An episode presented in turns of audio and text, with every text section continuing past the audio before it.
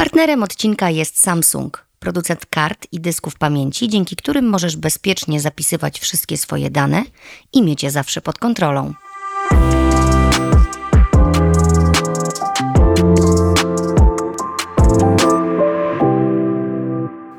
Znowu to mam. Jak mnie to wkurza. Dlatego właśnie o tym napiszę. Znowu mam nagrywać podcast. Dodam jeszcze, że bardzo długo czekałam na ten odcinek. Bardzo zależało mi na tym, żeby go nagrać. I co? Robię wszystko, dosłownie wszystko, byle nie usiąść do pisania felietonu i pytań do mojej gościni. Wyszukuję sobie tysiące spraw, które są teraz ważniejsze i zaczynam je pilnie realizować. Wyszłam z pracą z domu. To pierwszy odcinek, który nagrywam w moim studio. Miało nie być rozpraszaczy. Pralki, która gra tę irytującą melodyjkę, że skończyła prać. Swoją drogą nie wiem, kto to projektował i wsadził tam ten dźwięk, ale z tego miejsca nie pozdrawiam tej osoby. Wiem, że można go wyłączyć, ale wtedy nie słyszę, że skończyła prać. I chodzę i sprawdzam. Nie ma też zmywarki. Na szczęście ta tylko pika cztery razy i potem jeszcze ze dwa, żeby się upewnić, że ją usłyszałam. Nie ma kuriera, który dzwoni do drzwi, powodując, że mój pies drze się w niebogłosy i nie ma miliona innych domowych spraw. Miało być pięknie. Wyszło jak zwykle. Co ze mną jest nie tak? Dlaczego nie potrafię rozplanować sobie pracy tak, żeby być przygotowaną parę dni wcześniej i nie mieć tego stresu, że jeszcze nie zrobione? Może ja potrzebuję tej wewnętrznej presji, tego deadline'u. Ale chyba gdybym go potrzebowała, to by mnie to tak nie wykańczało. Patrzcie, ile już napisałam. W tym wypadku przeczytałam wam tego tekstu. Palce zbyt mocno uderzają w klawisze komputera, a pisane zdania wypowiadam równolegle na głos. Świadczy to o tym, że jestem zła. Tak. Siadłam do tego pisania zła na siebie, że znowu zwlekam, że znowu narażam się na stres związany z niewykonanym działaniem. Wdech, wydech. Oddycham głęboko, bo czuję, że ulga powoli zaczyna na mnie spływać. Czy to dobry felieton otwierający? Czy to właśnie chcę wam przeczytać, rozpoczynając ten odcinek? Nie mogę o tym teraz myśleć, bo przestanę pisać, a ręce wciąż rwą się do tego, by wyrazić to, jak się teraz czuję. Jestem smutna. Jestem zła. Jestem bezradna, bo mierzę się obecnie z trudnym momentem w życiu. Czytając wam to, zaczynam czuć się lepiej poprzez pojawiającą się we mnie akceptację. Tak mam. To jestem ja dziś. Żyję, jestem, nagrywam kolejny odcinek. Życie jest zbiorem wielu historii. To kawałek mojej. Kiedy to piszę, słońce pięknie świeci za oknem. Być może będzie padać, bo niebo jakieś ciemniejsze. Jestem, zauważam, piszę. Mówię i zaraz będę rozmawiać o tym, dlaczego tak ciężko jest nam stawać w prawdzie o sobie, uznawać swoje życiowe historie, zauważać to, co piękne, nie bać się mówić głośno o tym, co trudne i smucić się, kiedy jest nam to potrzebne. Dlaczego nie umiemy konstruktywnie się złościć? Dlaczego tak trudno jest nam być po prostu sobą? Obnażyłam się dziś przed wami. Nie wiem, co będziecie myśleć, ale nie chcę być z tym sama. Jesteśmy tu razem. Zaprosiłam was kolejny raz do mojego świata. Świata pełnego sprzeczności, miłości, akceptacji, a czasem jej totalnego braku. Świata ciekawości. I ta ciekawość doprowadziła mnie do mojej dzisiejszej gościni. Psycholożki, psychoterapeutki i badaczki, autorki książek Współuzależnieni oraz Co ze mną jest nie tak, która jest inspiracją mojej dzisiejszej rozmowy oraz jedną z lepszych książek o rozwoju osobistym, jaką miałam w ostatnich latach w rękach, a także autorkę podcastu Madame Monday, który serdecznie Wam polecam. Przed Wami Joanna Flis. Witaj. Cześć, dzień dobry. Cześć. Dziękuję za zaproszenie. Jak do Ciebie mówić? Asiu, Joanno, jak lubisz? Yy, najbardziej lubię Joasiu. Joasiu. O widzisz, i właśnie to jest, y, to, bo twoje imię jest takie, że bardzo różnie można je powiedzieć, nie? Do mnie wszyscy mówią Justyna, które ja nie przepadam za tym imieniem w ogóle by the way, ale Joasiu. Mm, mówiłam e, już ci to parę razy i powiem jeszcze raz, publicznie, bo chcę, żeby to wybrzmiało, że twoja książka jest genialna. I bardzo ci za nią dziękuję. Język, którym opisujesz tak trudne dla ludzi sprawy, mm, jest przystępny. I to jest bardzo ważne, bo czytając to nie musisz się zastanawiać, o czym to jest, tylko już po prostu wiesz. Dziękuję. ja, też, ja też dziękuję i zawsze mierzę się, wiesz, jak piszę, e, z takim niepotrzebnym patosem, który się w nas pojawia wtedy, kiedy chcemy mówić o sprawach ważnych. Nie? On się wtedy pojawia, wkrada e, i, i nam się czasami wydaje, że dzięki temu patosowi e, będziemy mądrzejsi niż jesteśmy. No, a ostatecznie jesteśmy po prostu tacy, jacy jesteśmy, Mhm. więc obieram się z niego trochę jak szrek z cebuli. Znaczy z warstw cebuli. No a właśnie jak piszesz, to nie masz takiego y, poczucia, że właśnie powinnaś tak mądrzej, więcej dać od siebie, żeby właśnie pokazać, że, że jednak potrafisz? Ojejku, bardzo, bardzo mam takie poczucie. E, Jakby to jest totalnie moje i ciągły syndrom oszusta. Teraz jestem właśnie przed premierą trzeciej książki i też mam ciągle takie poczucie, którym maltretuję Karolinę Oponowicz, moją redaktorkę, czy tam jest nie za mało i w ogóle czy te 420 tysięcy znaków to jest wystarczająco i czy ujęłam wszystko. Na maksa się w tym odnajduję i myślę, że wielu moich czytelników również, wiesz, kiedy ludzie do mnie piszą, to mają właśnie takie doświadczenie. Nie jestem świetnym rodzicem, podobno, ale ja czuję, że oszukuję, nie? Albo jestem podobno cenionym pracownikiem, ale w zasadzie czuję się trochę jak takie dziecko, któremu się e, wygrało, udało, dostało. Ja też tak mam. I też mam takie No nic, no wkurza mnie to, wiesz, wku- to już zresztą, że emocje już się wdarły, bo, bo ja też to mam i wkurza mnie to, że pomimo tego, że mamy wszyscy wiedzę, no ty to już masz wiedzę tą, po prostu ją zjadłaś dwa razy już i Podobno. cały czas to masz, i cały czas to masz, nie, że jaki jest klucz, yy, to będzie droga na skróty, poproszę o receptę. Nie mam, nie mam, nie mam recepty, ale trochę zbliżam się do tego, że wiesz, wiedza jest czymś innym niż mądrość i że nie wyprzedzimy samych siebie. E, I że być może dopiero gdzieś przy końcu będziemy w stanie, e, wiesz, zatrzymać się i pomyśleć sobie, ojej, pojęłam tę zagadkę, jaką jest życie, nie? Ale że to się może wydarzyć dopiero wtedy, kiedy to swoje życie dożyjemy. No dobra, ale czy pojęłam tę zagadkę oznacza, że teraz już zawsze będę robić inaczej? No, Myślę, że nie, że to też oznacza, że mogę nadać sens wszystkiemu temu, czego doświadczyłam. Czyli teraz rozumiem, że te wszystkie puzzle mojego życia, różne moje sukcesy, ale też e, porażki, różne moje zasoby, ale też braki, one się składają w jakąś jedną całość, w jakiś, mam nadzieję, jeden obraz. I ten obraz to jest głębokie poczucie sensu i tego, że życie w ogóle miało sens i że ja to życie dożyłam, przeżyłam i wykorzystałam w taki sposób, jaki było mi dane. Właśnie o tym jest ten mój podcast, bo ja sobie założyłam kiedyś, jak, jak zaczynałam tworzyć w ogóle konspekt tego, co będę tu robić, że to ma być, to mają być takie rozmowy, dzięki którym ja potem, ja jako ja, bo ja to też robię trochę tak dla siebie i nie będę ukrywać, że nie, bo ja się tu bardzo dużo uczę i wybieram przecież z kim chcę rozmawiać i to jest dla mnie super, że ja, ja chcę tak przeżyć życie, że jak będę właśnie odchodzić, to sobie pomyślę, fajnie było, Wiesz, że, że, ta, że ta świadomość właśnie, że ona mi całego, całe życie, no właściwie pół, bo zaczęłam być świadoma e, później niż bym sobie tego może życzyła, ale lepiej późno niż wcale, że ta świadomość mi daje taką ulgę i taki oddech, nie? że nawet jak się dzieją trudne rzeczy, to ja wiem z czego one mogą wynikać, że ja się nie muszę tak ciągle e, boksować z tym życiem, nie? tylko po prostu mieć więcej akceptacji. Mhm. Ja bym chciała, wiesz co, zakończyć życie z takim poczuciem, że było dokładnie tak, jak miało być. Mhm. Bo, bo wiesz, nie zawsze też jest fajnie. Myślę sobie, że to jest, wiesz, pułapka, nie? Bo może się No tak, okazać, że y- było nam bardzo trudno, ale że ostatecznie to miało mega duży sens. Na przykład dla innych. Tak, to, no to dobra, to zmieniam to słowo fajnie na, no dobra, no właściwie masz rację, było tak, jak miało być, ale ja to w uproszczeniu powiedziałam, że fajnie było, czyli jakby bardziej mówię o uczuciu, które mam w sobie, że Satysfakcja. dobrze było żyć, nie? Dobrze było żyć. Mhm. Wiesz, ja się trochę tego czepiam, dlatego że upieram się, żeby zmniejszać trochę naszą fascynację szczęściem, nie? I Wiem, takim, wiesz, wiem. O tym, mówię o tym O regularnie. tym pozytywnym wajbie. Tak, bo to jest czasami bardzo niebezpieczne, wiesz, bo ym, bardzo często jak robimy różne rzeczy wartościowe, to wcale nie jest fajnie. W ogóle jest trudno, mozolnie, e, kończymy wyczerpani, nagroda nie jest e, aż tak przyjemna, jak nam się wydawało i pozostaje nam tylko uczucie satysfakcji. I ta satysfakcja czasem jest bardzo gorzka, ale wydaje mi się, że chodzi o to, żeby żyć w zgodzie ze swoimi wartościami, nie? I że czasem to jest naprawdę bardzo trudne.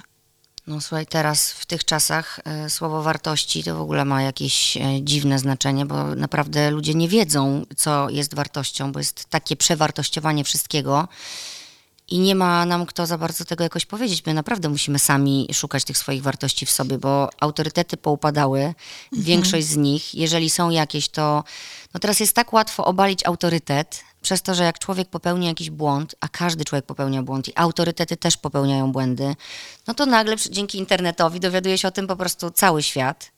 Kiedyś to by się tam się dowiedziało, nie wiem, ileś tam osób i ten autorytet dalej by trwał.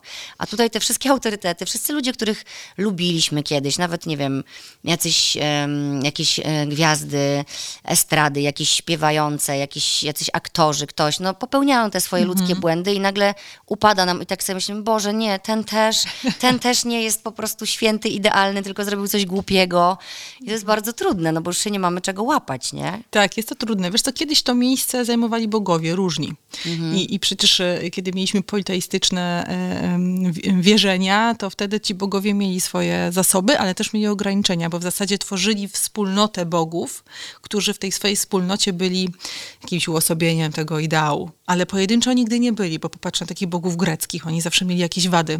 Oni byli w czymś dobrzy, Tak. ale w czymś tam niekoniecznie, nie? Zresztą jak każdy z nas. A potem... Mieli swoje supermoce. Mieli swoje supermoce. A potem stworzyliśmy monoteistycznego Boga i ja nie mam nic przeciwko niemu, ale on był absolutnym uosobieniem narcyzmu, nie? On był, ja myślę, że nikt nie byłby w stanie e, tej boskości e, do, doświadczyć albo nawet doskoczyć. A potem, kiedy ta idea padła, to zaczęliśmy stw- tworzyć e, mm, celebrytów, zaczęliśmy tworzyć, wiesz, gwiazdy, zaczęliśmy tworzyć ludzi, których delegowaliśmy do roli boskości. Tak. I to nawet nie chodzi o to, że ci ludzie sami podjęli tą rolę, tylko my, jako ten tłum poszukujący Boga albo kogoś, za kim można podążać, delegujemy tych ludzi do doskonałości. I czasem ci ludzie się za to łapią, nie? Znaczy tego się łapią i próbują tą rolę odegrać i to jest w ogóle dramatyczna podróż, bo Jakieś próbujesz całe życie... obciążające też. Tak, próbujesz całe życie e, to zrobić, ale to jest po prostu niemożliwe. Prędzej czy później świat się orientuje, że każdy z nas jest tylko człowiekiem. Teraz to jest chyba dla mnie nas fundamentalne pytanie o to, czy my jesteśmy w stanie zachwycić się człowiekiem, Mhm. z tylko jego drugim człowiekiem. I dysfunkcjami różnymi, Mhm. bo dzisiaj o dysfunkcjach będzie dużo i e, Ulubione słowa. masz już taki tatuaż, dysfunkcja na ręku gdzieś. No bo to jest rzeczywiście słowo, które dosyć tutaj często pada w tej książce.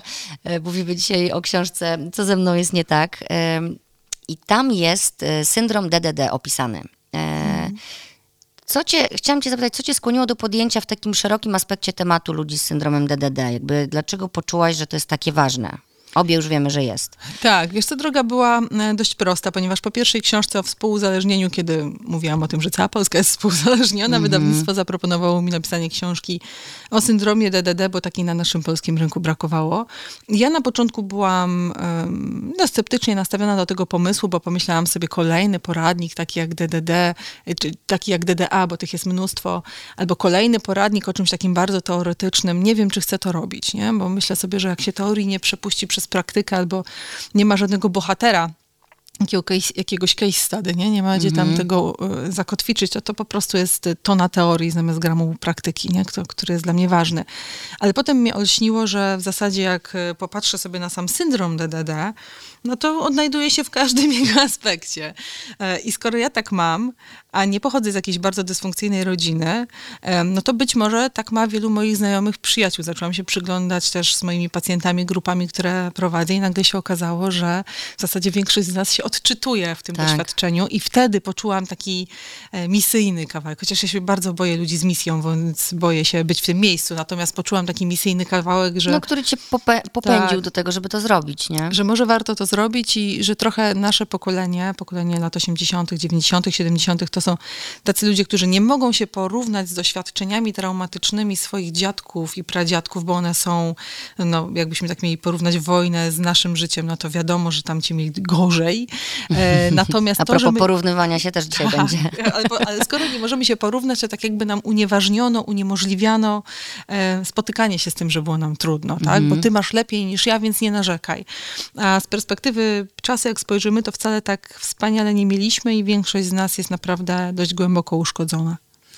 Co to jest y, dom dysfunkcyjny? No właśnie, To patrz, znaczy, to cztery rozdziały książki mogłybyśmy tu przeczytać teraz i by ludzie już Tak. wiedzieli, ale właściwie od samego początku, jak zaczynasz czytać, e, zaczynasz, jak ja zaczynam, bo ty już nie czytasz swoich książek, myślę. Jak zaczynałam czytać twoją książkę, to już od razu wiedziałam, wiesz, tak samo mam jak ty, że, że nagle zaczęłam się utożsamiać. Mhm. E, ja już jestem dawno po tym odkryciu y, i po tych terapiach, gdzie dowiedziałam się, że tak bardzo wiele rzeczy wynosimy z domu, ja już jestem po złości na moich rodziców, że oni mi to zrobili, ja już wiem, że oni mi nic nie zrobili złego, ja już jestem, wiesz, ja już jestem tam w tym miejscu, kiedy ja wiem, że ja odpowiadam teraz za siebie tu i dzisiaj. I ja się, ja się mierzę z tym, co jest moje, bez obwiniania całego świata, że mi się tak przydarzyło. I mi jest, ta książka jest jak taki plaster, który tak się czasem zrywa i ta ranka tak troszkę odżywa i potem znowu ten plaster i ta ranka, wiesz, i pomo- pomogła mi podomykać bardzo wiele rzeczy i zrozumieć, że aha, to wynika z tego, okej, czyli ja mam teraz takie narzędzia i co ja mogę z tym zrobić.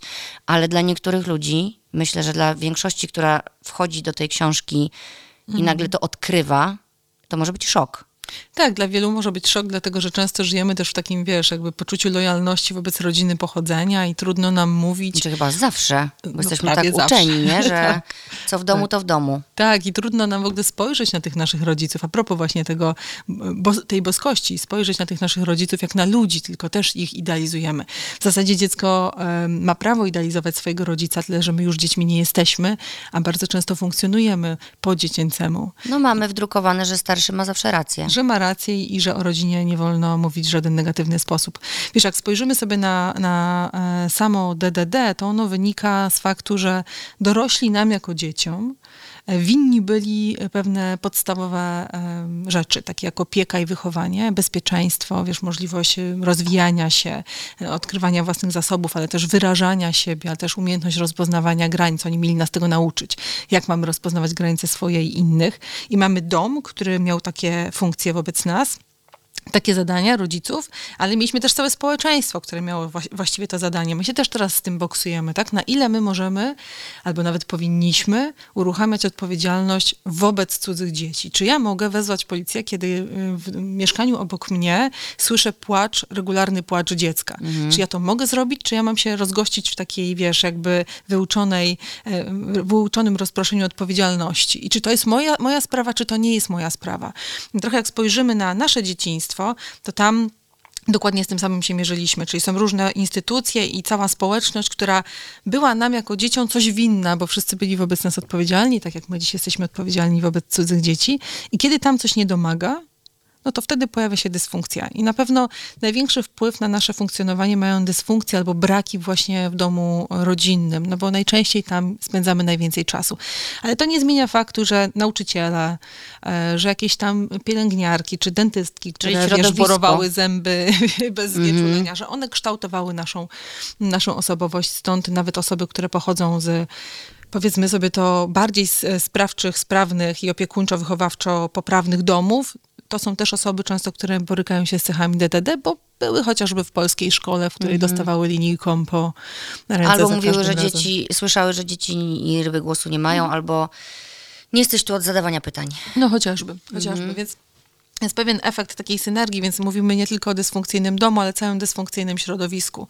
I popatrz, jakie to jest szalenie ważne, bo takie myślenie pozwala nam też y, zorientować się, że nawet jeżeli em, to dziecko, które płacze za, ścianem ma, za ścianą ma dysfunkcyjny dom, to my i tak mamy jakiś wpływ na jego rozwój. Będąc pedagogiem, psychologiem, nauczycielem, sąsiadką, panią w sklepie, która zwróci uwagę albo pomoże w czymś temu młodemu człowiekowi. Wszyscy jesteśmy za siebie odpowiedzialni i trochę o tym jest ta książka, nie? że wszystko kształtuje wszystko. No właśnie, bo, no dobra, poczekaj, bo jeszcze zapytałam cię, co to jest dom dysfunkcyjny. To może y, wymienimy, nie wiem, jakieś, tych, tego jest sporo, co No może powodować dysfunkcję, ale no ja tutaj sobie też wypisałam na przykład niestabilność emocjonalna rodzica, co, co sprawia, że dziecko ma ograniczone poczucie bezpieczeństwa. Rodzic kontrolujący, apodyktyczny, utrudnia dziecku rozwój własnej autonomii. Rodzic narcystyczny, surowy, porównuje swoje dziecko do innych, małe poczucie własnej wartości. Rodzic niedostępny, nie daje dziecku poczucia bliskości, niewydolny w swojej roli, czyli bezrobotny, uzależniony, zaniedbujący dziecko. Nie ma szans dziecko być dzieckiem i przyjmuje rolę dorosłego. To są takie, to jest taka pigułeczka tylko, nie? Taka jedna część tego, e, co może to powodować, ale to są często takie po prostu niewinne słowa, powiedzonka, określenia, właśnie traktowanie. Powiem ci, że ja e, dzisiaj tutaj siadam przed tobą jako dziecko i jako rodzic i jako dorosły. I to jest, y, powiem tak kolokwialnie, niezły mindfuck w ogóle dla człowieka, jak zaczyna w to wchodzić, bo y, pierwsze co czuję, to jest ogromny lęk, jak ja sobie mam z tym poradzić, nie? że teraz ja się dowiaduję o tym, co mi szkodziło, jakie y, określenia, sformułowania kierowane w stosunku do mnie, jak byłam mm, dzieckiem, sprawiły, że dzisiaj mam trudności jako dorosły w pewnych y, sytuacjach, a właściwie w wielu sytuacjach, ale teraz jestem też mamą i jak się poruszać, żeby nie zrobić tego swoim dzieciom. Muszę sobie dać prawo bycia człowiekiem chyba, wiesz, ale jest to turbo trudne, bo do, na, najpierw to generuje we mnie ogromny lęk i takie, nie chcę tam iść dalej w, te, w tę książkę, bo ja sobie z tym po prostu nie poradzę, nie? Tak, bo my bardzo często też przenosimy, wiesz, te schematy, w których my uczestniczyliśmy. One mają swoje odzwierciedlenie w, to, w tym, w jaki sposób my dziś podchodzimy do naszych dzieci. Popatrz, jak wielu jest nadopiekuńczych rodziców w tej chwili. To jest jakby odwrotność tego, tej surowizny, w której my byliśmy wychowani, e, ale jest równie szkodliwa, bo nadopiekuńczość jest przemocą. Wiesz, ja bym powiedziała, że to jest taka Boże. sztafeta, wiesz, po, pokoleń. To jest takie straszne określenie, nie? Bo się wydaje, Jest. że nie można za mocno kochać, nie można. A tu nagle mówisz. Tak to jest mówi, przemoc, nie? tak defini- No. to w ogóle definicyjnie to jest przemoc. Jak weźmiemy sobie definicję przemocy um, Co jest rodzicielskiej przemocy. No to jest wtedy, kiedy y, nie pozwalasz dziecku ćwiczyć swoich umiejętności adekwatnie na przykład do wieku. Czy dziecko już pięciolatek, mój pięciolatek, e, może sam wiązać sobie buty, ale ja się spieszę do pracy albo, nie wiem, chcę, żeby miał wspaniale te buciki, wiesz, zawiązane, więc robię Żeby to się za zaraz niego, nie rozwiązały, nie? Po trzech tak, krokach. żeby się nie rozwiązały. Albo karmię to dziecko w tym wieku, albo straszę je na przykład światem, co wynika z mojej, ja ci tylko mówię, ja ci tylko przypominam, tak, nie przewróć się, albo nie biegaj za szybko, albo uważaj, bo możesz spaść Boże. z tej... Ja ciągle mówię do mojego synka, żeby uważał, jak biegnie, ale on się naprawdę wywala co chwila i sobie robi krzywdę. Czyli co w takiej sytuacji? Puścić i y, zszywać rany? Znaczy z pewnością, jeżeli, wiesz, jeżeli jakieś niebezpieczeństwo jest adekwatne i ty wiesz, że twoje dziecko... e, Właśnie wybiegnie zaraz na ulicę. Tak, w tym wieku, w którym jest. Nie ogarnia tego. Nie wie, co to są na przykład, nie wiem, czerwone, zielone, żółte światło, co ono oznacza, no to twoim zadaniem jest za, zabezpieczyć jego bezpieczeństwo i oczywiście, wiesz, jakby tutaj ochronić to swoje dziecko i powiedzieć mu, wytłumaczyć, nauczyć. Ale potem naszym zadaniem jest uznać mądrość naszego dziecka. Bo nasze dzieci są mądre, tylko my im tej mądrości trochę odbieramy. Znaczy ujmujemy im tej mądrości i rzeczywiście puścić wolno i zszywać rany. Ja to ćwiczyłam przy moim e, obecnym pięciolatku, m, kiedy on też się ciągle przewracał. Do tej pory to robi. E, Ja na przykład bardzo mocno ćwiczyłam e, e, to, to powstrzymywanie się od nadopiekuńczych reakcji, kiedy go nie podnosiłam z ziemi, jak on miał półtora roku, dwa lata, bo wiesz, odruch jest taki, żeby biec, w ogóle tam jeszcze, wycałować. Jezu, tam, Jezu, Jezu. no, A jeszcze można powiedzieć, co też jest złe i to już wiemy, ale może Państwo nie wiecie, że na przykład niedobre krzesło uderzyło mojego synka i bicie tego krzesła, ale to robi mnóstwo ludzi, nie? Żeby Tak, dziecku tak. dać ulgę w tym cierpieniu, to mówi, brzydki Tam. stół, znowu uderzyłeś mojego syna. Tak, to prawda. To jest ta nadopiekuńczość. Mm, Ale nadopiekuńczość wyraża się też w tym, że chociażby próbujemy dobierać nastolatkowi przyjaciół, albo wpływać na to, po, jaką, e, e, po jakie aktywności sięga, albo kształtować jakoś jego przyszłość, no bo mamusia lepiej wie, że tobie lepiej będzie na studiach na przykład, nie wiem, psychologicznych niż e, matematycznych. E, To, to jest też nadopiekuńczość. Za każdym razem, kiedy wpadamy na pomysł, że wiemy lepiej i że w ogóle robimy to z miłości. Jakby jak się przyłapiemy na tym, że tam to jest wszystko z miłości, to w ogóle e, to, Dać to jest ten po moment. łapach. To jest ten moment. Nie? Po prostu E, zatkać usta i dobra, nie powiem tego, nie powiem tego. Tak, dobrze, dobrze by było się tutaj, wiesz, jakby przytrzymać y, i pozwolić temu dziecku swobodnie eksplorować świat, bo wiesz, co ja obserwuję w tej chwili? Taką bardzo taką powszechną sytuację. Młodzi ludzie, którzy mają e, nadopiekuńczych rodziców, to są ludzie, którzy potem się uzależniają od internetu, bo to jest jedyna przestrzeń, do której e, starzy nie mają dostępu. To jest jedyna przestrzeń, gdzie możesz swobodnie eksplorować zgodnie ze swoimi, wiesz, jakby zainteresowaniami I wewnątrz. pokazywać siebie taką, Tak, jaka jaką jesteś. jesteś. No. I to jest taki syndrom, bo jak popatrzysz na tego malutkiego dzieciaczka, to on ma idealne procesy motywacyjne. On wiesz, wszystko włoży do buzi, wszystkiego jest ciekawy, tam pełza, jeszcze chodzić nie umie, ale już wszędzie wpełznie. Chciałabym mieć taki proces motywacyjny Jezus, w sobie, nie? I tyle energii. Tak, a potem coś się dzieje takiego, że my te dzieci usadzamy Mhm. i jakby zabieramy im ten, te, te procesy motywacyjne. One się już z nimi nie, y, jakby nie utożsamiają albo nawet za nimi nie podążają. Mówimy często, że to jest niebezpieczne po prostu eksplorowanie świata i ciekawość, światem. nie? Straszymy światem. A potem ja słyszę w gabinecie terapeutycznym, wiesz, jak pracowałam z nastolatkami, że no ja nie wiem, no różne rzeczy mu proponujemy, ale on nic nie chce, chce siedzieć tylko w tym telefonie. A potem ja zaglądam z tym młodym człowiekiem do tego telefonu, a tam jest zbudowany cały świat, nie? W Minecrafcie. Przyjaźnie na, zawarte, wiesz, tam jest kreatywna postać, pełna zasobów, dużo zainteresowań. No i wiesz, no te światy ze sobą nie współgrają. Mi się wydaje, że to dlatego, że my, nasz lęk, nasze, to się nazywa rodzicielstwo helikopter, helikopterowe, nie? Że, że my okradamy, nasz, naprawdę okradamy i, to nie jest przesadzone słowo, nasze dzieci z ich e, ciekawości, z ich zasobów, z ich motywacji, z ich witalności, dlatego one trochę przypominają w tej chwili, jak na nie spojrzymy, takie zombie, nie? Tak. Trudne to jest, bo, nie, bo jakby, mm, ciężko jest jakby roz, wyłapać tą granicę. Ona jest dosyć cienka, bo y, naprawdę często z miłości chcemy coś zrobić. Z tej, z tej Jak z misją, wiesz? Jak z misją, to trzeba uciekać. Ale jak tu, wiesz, no, dla mnie to też jest trudne, bo ja mam i trzylatka, i y, czternastolatkę, i dwunastolatkę, więc ja teraz trenuję po prostu te swoje umiejętności na wszystkich polach, a jednocześnie właśnie y, czasem czuję się, że jestem jeszcze, wychodzę do jakichś aktywności z pozycji dziecka, staram się być rodzicem i jednak dorosłym i na tym się skupiam właśnie, żeby jednak myśleć o sobie cały czas, ale wtedy sobie myślę, może za mało myślę o dzieciach. Koleżanka mówi, a twoje dzieci to tak jeżdżą autobusem? Wy tak się przeprowadziłam tak autobusem, no ile ona jedzie do szkoły? Ja mówię, no 45 minut. Autobusem sama? Ja mówię, no tak. I ty jej tak pozwalasz? I wiesz, i już we mnie się zapala No lampka. to są najgorsze w ogóle takie... Może e, nie powinnam, a może tak. w ogóle powinnam wszystko rzucić i ją wozić do tej szkoły. Tak, ja też często słyszę, że a twoje dzieci jak znoszą twoją nieobecność albo to, że tyle pracujesz. Jak znoszą. Bardzo tak, jak znoszą, jak sobie radzą na przykład. E, ale powiem ci taką inną trochę historię, bo moja córka ma 20 lat, więc już mam jedno odchowane e, i jest już studentką i e, wiesz, jak patrzę na nią, to to jest, może zrobię wam krzywdę, jak wam to powiem, ale powiem, bo tak naprawdę myślę. E, To, co widzę, co, co, co jest w niej takiego fascynującego, co sprawia, że ona ma naprawdę takie mocne cechy w sobie, mocne zasoby, nie wynika z tej mojej miłości w wieku, ja zostałam mamą w wieku 19 lat, nie wynika z tej mojej miłości, którą do niej miałam, choć miałam, tylko wynika z problemów, które wspólnie pokonywałyśmy. Na przykład ja nie miałam kasy, e, studiowałam, totalnie, wiesz, zawsze jak jechałyśmy nad morze, to e, tam jeden gofer na, na trzy dni e, i, i, i moja Martyna świetnie zarządza kasą w tej chwili. Ona po prostu lepiej to robi niż ja. Ona pracuje, zawsze ma jakieś oszczędności, zawsze mam od kogo porzucić pieniądze, jak mi brakuje. E, I myślę sobie o niej, ojej, nie miałam pojęcia, że te trudności, które wspólnie pokonujemy, to trochę takie, wiesz, e, szorstkie czasy, które miałyśmy, choć bardzo dobrze je wspominamy, one tak też pozytywnie wpłynęły na, na jej przyszłość. Więc czasami z tej miłości nie jesteśmy w stanie dostrzec, że każdy z nas musi odrobić pewne trudne lekcje, żeby wykształcić pewne cechy, bo na przykład samokontrola się nie bierze z tego, że my ciągle jesteśmy głaskani po główce. Ona się bierze z tego, że my czasami musimy wysiedzieć na lekcji 45 minut, wiesz, poczekać na, na, na obiad 30 minut, albo nie dostać tego loda, na którego mamy ochotę.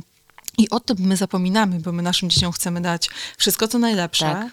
I ja już nie wiem, czy mój Jasiek będzie tak świetnie zarządzał finansami, bo Mhm. I czy będzie miał w sobie tyle pokory, cierpliwości? Zdecydowanie, tak? I, I jak patrzę na nią, no to oczywiście tam parę, parę rzeczy się w nich rozwinęło, które wspierałam, ale mnóstwo jej cech wynika z tego, że nie byłyśmy ani zamożne, e, ani nie miałyśmy, wiesz, jakby wynikających z tego jakichś przywilejów, ani ja nie miałam tyle czasu, bo musiałam studiować, pracować, ogarniać ją, i jakby moje życie, jeszcze moje bycie matką w dzieciństwie w zasadzie. No właśnie. E, I nie chcę tego jakoś, e, wiesz, e, nadawać temu ogromnego znaczenia, bo też nie chodzi o to, żebyśmy zaniedbywali swoje dzieci, żeby one wyszły na silniejszych dorosłych, ale czasem nie wiemy, co na nie wpływa i odrobina niewygody e, hartuje charakter. Ale nie chodzi o taką niewygodę, że masz klęczeć na grochu w kącie, Mm, tylko chodzi o taką, w której musisz na przykład zrozumieć, że twoja mama w tej chwili musi iść do pracy, żeby zarobić na chleb.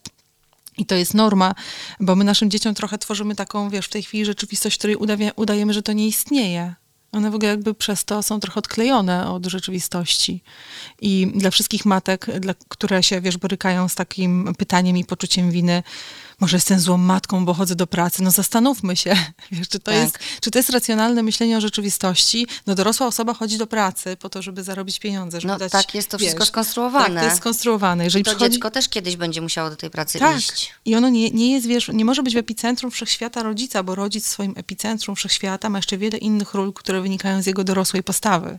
I my nie możemy dzieciom kreować rzeczywistości, e, która jest niemożliwa do zrealizowania, bo, bo potem one w- wkraczają we wczesną dorosłość i są załamane tym, że życie nie wygląda tak, jak im się wydawało. I mamy to, mamy że już tego czegoś przykład. od nich nie? oczekuje, nie? Tak, mamy już tego przykład w tym pokoleniu właśnie obecnych dwudziestoparolatków, więc no tak się trochę rozwinęłam, ale nigdy nie wiemy. Tak. Korczak też o tym mówił, wiesz, że nigdy nie wiemy, mm, do czego my na, nasze dzieci wychowujemy. One nie Mhm. mogą być wychowywane w środowisku bezstresowym zupełnie. Bo też wiemy, że wychowanie bezstresowe zrobiło dramat. Słuchaj, e, Boże, jakie to wszystko jest trudne, ale dobra, fajne też. E, kręci mnie to, no bo dużo się znowu uczę. E, wie, mamy, zdobywamy świadomość, czytamy książki, słuchamy. Teraz jest bardzo właśnie dużo podcastów. Naprawdę teraz mamy super y, łatwiej, żeby zdobywać wiedzę. Oczywiście mamy tam też różne mm, pułapki, bo każdy może wszystko nagrać teraz i powiedzieć wszystko. I musimy gdzieś cały czas wierzyć chyba, że my mamy jakiś ten swój rozum i jeżeli coś mówi osoba, którą uznajemy za jakiś autorytet, ale mówi jakieś takie głupoty, no bo też tak się zdarza, to też to filtrować przez siebie, czy to jest rzeczywiście o nas, czy, bo wiesz, ostatnio usłyszałam, że jakaś tam dziewczyna, która też działa prężnie na Instagramie i mówi super rzeczy, powiedziała jedną rzecz, która była taka dosyć kontrowersyjna. No i zaczęły do mnie pisać dziewczyny, co one mają teraz zrobić, bo ona była ich autorytetem, ona powiedziała teraz coś takiego. Ja mówię, ale co zrobić? No po prostu nie przyjąć tego jako swoje i uznać, że powiedziała coś, co jest w twoim mniemaniu niefajne. Nie musisz jej skreślać też na całe życie już, bo powiedziała coś, co jest może nie, nie po twojemu. Ja mówię, też mi się to nie podobało, to zdanie, ale dalej uważam, że mnóstwo mądrych rzeczy mówi. No jasne, oczywiście, że tak. Żeby, wiesz, to sobie jakoś tak wyłapywać, że my musimy naprawdę siebie jakoś szanować i myśleć o tym, że my dużo wiemy, bo my sobie tak umniejszamy, dlatego tak szukamy tych autorytetów, żeby ktoś za nas powiedział, zadecydował najlepiej. E, teraz e, idą wybory, do mnie piszą dziewczyny, na kogo ja mam głosować? Ja mówię, słuchaj, no głosuj z własnym sumieniem, po, poczytaj, popatrz, kto co proponuje, no ale mi nic nie odpowiada. Ja mówię, ja nie mogę ci mówić, bo ja nie jestem od tego.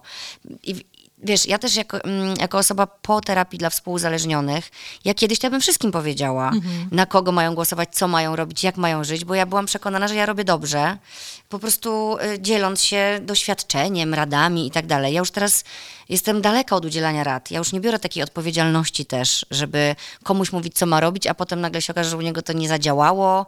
Ja potem oblana poczuciem winy, że komuś zrobiłam krzywdę, wiesz, ja po prostu się też nauczyłam, bo ja byłam ratownikiem pierwszej wody to jest teraz, ten podcast jest może jakąś taką formą trochę, wiesz, y, lawirowania tam w tym moim współuzależnieniu, że robię coś dobrego i mam tego świadomość, ale też no, nigdy nie mówię nikomu, jak ma żyć, tylko się dzielę swoim doświadczeniem.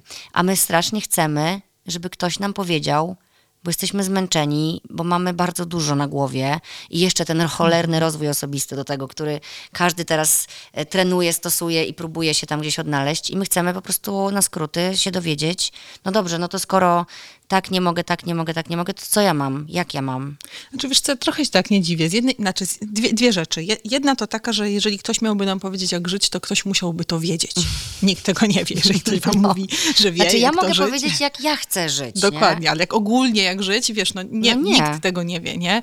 Mm, e, Jak żyć. Więc jeżeli ktoś mm, w trzech krokach ci opowiem o tym, jak być szczęśliwą, spełnioną i tak I dalej, to, ucie- to uciekamy. to uciekamy. Nikt tego nie wie. Co więcej, wiesz, no też nam się zmienia perspektywa z racji tego, w jakim jesteśmy wieku. Jak 30-paroletnia ja pewnie powiedziałaby wam zupełnie i tobie coś innego o świecie niż w tej chwili ja mówię jako 40-latka. Być może e, za 10 lat jako 50-latka będę mówiła w ogóle zupełnie jakieś Tak. inne rzeczy i uznam, że I to, jest normalne. i to jest okej, to jest normalne. A z drugiej strony dużo łatwiej jest mówić o rzeczach, e, o tym, czego nie możemy robić, e, co jest nie okej, co nie jest fajne, nie? co nie było właściwe. No bo to coś już istnieje i wystarczy to po prostu zanegować. Tak. A wytworzyć takie pozytywne postawy albo e, jakiś taki repertuar nowy, behawioralny, repertuar wobec pe- pewnych zadań naszych życiowych jest, jest trudniej, bo trzeba go wymyślić, nie? trzeba go przetestować, trzeba się nim podzielić. I dlatego często rozwój osobisty, czy cała ta psychologia, psychoedukacja, ja też w niej biorę udział, ale mam taki do niej, wiesz, stosunek e, specyficzny. E, ona jest oparta na negacji, bo negacja jest zawsze prostsza. To trochę tak jak z krytykowaniem meczu na przykład. A daj jakiś A, tak przykład. powinno no właśnie. Biec, nie? No, a propos negacji w takiej w tej pop psychologii. No na przykład właśnie, że jak, kiedy dziecko się, mówiłyśmy o tym, nie? Kiedy dziecko się przewróci, to nie wolno tam mówić, że nie, nie, nie, nie dobry stół, nie wolno podnosić, nie wolno tam ojojać tego miejsca, nie wolno, no i właściwie, a co wolno? No, No. i teraz jak sobie otworzymy taką, wiesz, jakby em, puszkę dozwolonych zachowań, nie? Czy tam pudełeczko dozwolonych zachowań, To, to, będzie, tam niewiele to będzie jest. naprawdę pudełeczko. To będzie, wiesz, to możesz stać, nie? być obecna. Albo Wspierać. Jakiś, wspierać. Ale albo, jak? Tak, albo jakieś takie frazesy responsywnie, empatycznie reagować na, wiesz, jakby przyjąć emocje dziecka. Znamy te hasła, tak? Wystać emocje Weź dziecka. przyjmij emocje dziecka, które wrzeszczy i na przykład zaczyna cię bić w tym momencie, Na nie? przykład, bo, nie? bo ty nic nie robisz i nie ojojasz. Dokładnie, nie? Czasami to ojojanie no, nie jest najlepszym rozwiązaniem jak demokracja, ale nie znamy innego. E, I dlatego rozwój osobisty, czy właśnie psychoedukacja jest, y, ciągle neguje różne, różne rzeczy. Trochę dochodzimy do takiego miejsca, w którym właściwie nic nie można, e, cokolwiek nie powiesz, cokolwiek, jakkolwiek się nie ruszysz, cokolwiek nie zrobisz, to gdzieś już na pewno zostało zanegowane, bo jeszcze różne paradygmaty wzajemnie Tak. się negują. Więc musimy zastanowić się nad tym, czym są błędy kardynalne i tego absolutnie nie robić, a na całą resztę trochę zwiększyć y, jakby naszą odporność y, albo też tolerancję, bo y, z narzędziami, z różnymi zachowaniami jest trochę jak z przyrządem, jak z widelcem, nie? że jeżeli użyjesz go w odpowiednim kontekście, to on ci będzie służył. I całą resztą też jest y, jak z, y, jak z tym widelcem. Nie, może nie warto ojojować tych, tych ran, e, ale w takim kontekście, w którym jesteś z dzieckiem, które na przykład czeka, za chwilkę ma wejść do, wystąpić publicznie na przykład, tak, albo wejść do klasy przedszkolnej i właśnie potrzebuje tego ojojania i nie macie czasu na to, żeby inaczej zaopiekować te emocje, to być może to ojojanie będzie najlepszym, co możesz zrobić, nie? Ten kontekst ma znaczenie, a, a nie samo narzędzie. I my za mało trochę o tych kontekstach rozmawiamy, bo y, w zasadzie y, wszystko, każda rada, którą sobie dajemy, umieszczona w niewłaściwym kontekście, nie będzie skuteczna. Okej. E, A tak z ciekawości zapytam, a co, co trzeba robić? Żeby nie ojojać. No właśnie, co można robić, No, żeby... na mojego syna najlepiej to działa, że jak on się przewróci, to on chce podejść do mamy, on się chce przytulić i ja go po prostu przytulam i mówię, ojej syneczku, uderzyłeś się, tak? Przewróciłeś się. No, no wspaniale by było, gdyby, gdyby to dziecko miało szansę samo zaopiekować swoje emocje, ale adekwatnie do wieku czasami jeszcze dzieci na tym etapie nie potrafią. 3,5 latek myślę, że jeszcze mogę troszkę. No i jeszcze masz prawo ojojać. Być może są, są bardziej sprawne narzędzia pod tytułem co cię boli, gdzie cię boli, Mhm. czego potrzebujesz, żeby cię przestało boleć. I być może usłyszysz, że Okej. ojojania na przykład, nie? No tak, I to- przytul i mnie. To jest, I to jest No ale to okej, już nie? jest danie dziecku prawa do tego, żeby nazywało swoje emocje, rozpoznało i w ogóle coś zadecydowało, nie? I to jest piękny trening. To jest piękny trening, bo czasami wyprzedzamy, nie? Czy jakby odzwierciedlamy, zanim coś się. No bo wiadomo, że ty wydarzy. widzisz jako dorosły, że po prostu go boli, Nie nie? boli cię to? Na przykład Tak. dziecko nie płacze. No tak się wywróciłeś i nie boli cię to? Na pewno cię boli. tak, tak. Więc to, na to musimy uważać. Ale ja bym sobie ch- życzyła, też staram się robić to w swoim życiu, ale chciałabym, żeby większość z was miała takie poczucie, że i, i, i, nie wiem, do ciebie mówię, do wszystkich naraz, ale Tak. wiesz, takie poczucie, e, że warto też spojrzeć na kontekst, nie? Że czasami na przykład e, fajnie jest czytać dziecku wieczorem bajkę i wspaniale, gdybym mogła robić to codziennie. Ale czasem w takim kontekście, w którym jestem tak zmęczona, że e, nie mam ochoty ani czytać, ani niczego więcej, wiesz, jakby robić tego dnia, to lepiej jest wyłączyć bajkę na dobranoc i pójść wziąć kąpiel, odpocząć i zregenerować siły, żeby potem rano być e, tym responsywnym, empatycznym, dostępnym emocjonalnie rodzicem, niż przeczytać tą bajkę na zaciśniętych zębach, wiesz, i dom śpi. Gówniarzu. Dokładnie, bo to jest ten kontekst, nie? Więc e, nie ma uniwersalnych narzędzi. Są tylko narzędzia, których możemy używać w różnych kontekście i do tego jest nam potrzebna ta mądrość, mądrość dojrzałego dorosłego, żeby umieć dobierać narzędzia do kontekstu. I potem się nie biczować, że właśnie nie przeczytałam tej bajki, tylko dobra, dzisiaj się zaopiekowałam sobą. Tak, to tak jak wiesz, jak popatrzymy na te dysfunkcyjne rodziny, no w zasadzie w tamtym czasie, w którym ci rodzice nas wychowywali, no oni nam dali to, co potrafili w tamtych y, warunkach historycznych, e, w tamtym socjalizmie. Jakiegoś też przełomu no oni, takiego. Dokładnie, oni też niewiele rzeczy mogli. Oczywiście to wpłynęło że na nas, że my dziś funkcjonujemy tak, a nie inaczej, ale umieśćmy trochę ich zachowania w kontekście i z, zbudujmy jakąś empatyczną, wiesz, reakcję na to, co się działo, bo czasami nasz repertuar, z którego możemy wybierać naszych zachowań jest bardzo, bardzo wąski. Mhm. Tak, to prawda.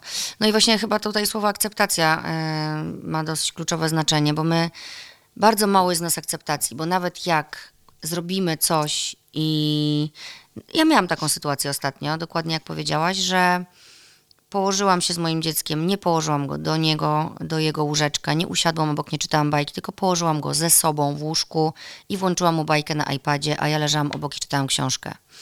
I powiedziałam do mojego męża, e, zrobiłam tyle, na ile dzisiaj było mnie stać, bo miałam bardzo, bardzo trudny dzień emocjonalnie i wiedziałam, że byłam tak też przebodźcowana, że ja nie dam rady.